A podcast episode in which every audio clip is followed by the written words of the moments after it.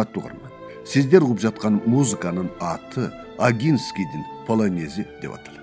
Баса полонез деп салтанаттуу мүнөздө жазылган негизинен бий бийлеш үчүн чыгарылган чакан музыкалык чыгармалар аталат.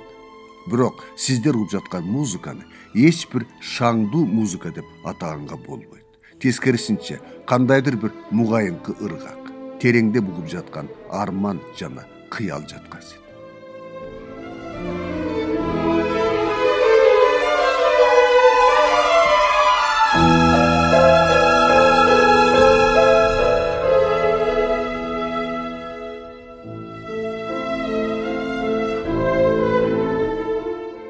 чыгарманы. Атактуу польшалык саясий ишмер дипломат ошону менен бирге нака музыка күйөрманы. Кесипкөй эмес үйрөнчүк композитор михаил казимеш огинский жазган. Жазып атын мекем менен коштошуу деп атаган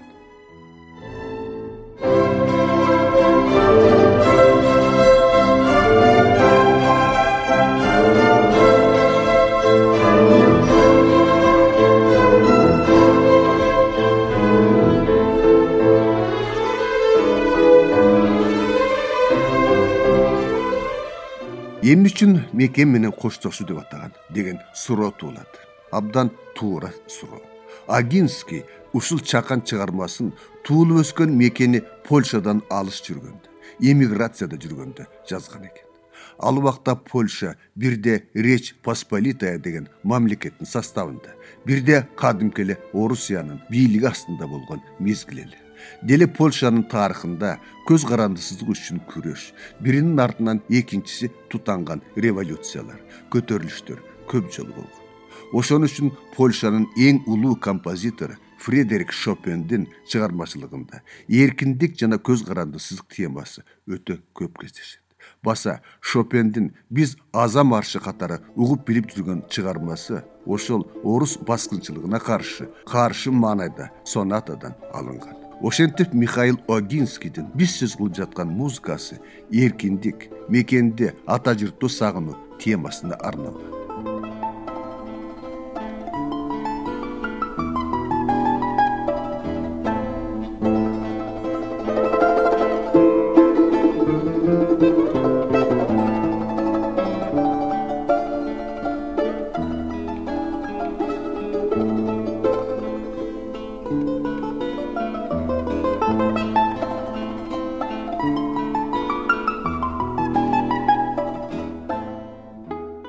баарынан кызыгы агинский мындан тышкары да көп чыгармаларды жазса да тарыхта түбөлүккө калган бирден бир чыгармасы ушул полонез андан да кызыгы бул чыгарма мурунку советтер союзунун убагында эң эле кеңири тараган музыка эле. Мунун себебин түшүндүрүү оңой эмес. Бирок негизги себеби бул музыканын жөнөкөйлүгү түшүнүүгө жана эске сактап калууга абдан эле жеңилдигинен улам болду сыяктанат анын үстүндө бул полонездин кайрыктары мукамдуу бир такт экинчиси менен тыгыз байланыштуу музыкалык тили абдан эле түшүнүктүү.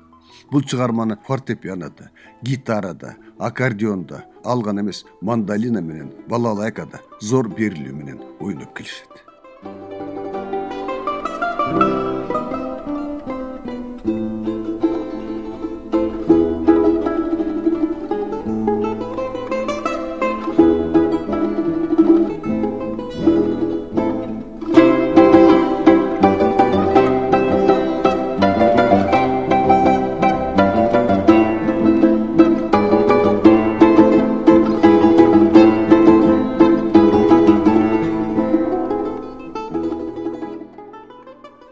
агинскийдин полонезин кыргызстанда музыкага кызыккан ар бир адам билет. Же ал тууралуу кабары бар десем жаңылбасам керек.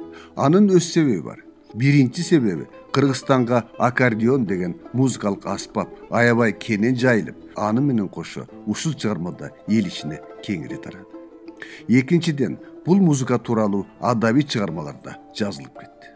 Ошолордун ичинен эң эле популярдуусу казак жазуучусу кыргыз маданиятынын эң чоң күйөрманы илья жакановдун кайра таңшыган обон деген эң сонун повести болгон эле. Анда бир музыка сүйүүчүсүнүн өмүрү жазылып анын тагдырында ушул сиздер угуп жаткан агинскийдин полонези өтө зор роль ойногону айтылган эле. Повесть бир миң тогуз жүз алтымыш сегизинчи жылы ала тоо журналына жарыяланып ошондон тартып агинскийдин музыкасы тууралуу легенда эл ичине аябай тарап кеткен эле. Маселен мен деле ошол повестти окуп алып бул эмне деген музыка болду экен деп бир укканга абдан кумарланып жүргөн эле. Кийин полонезди укканда бул чыгарма чындап эле абдан терең. Ошону менен бирге эмоция менен драмалык сезим туюмдарга бай чыгарма экенине көзүм жеткен эле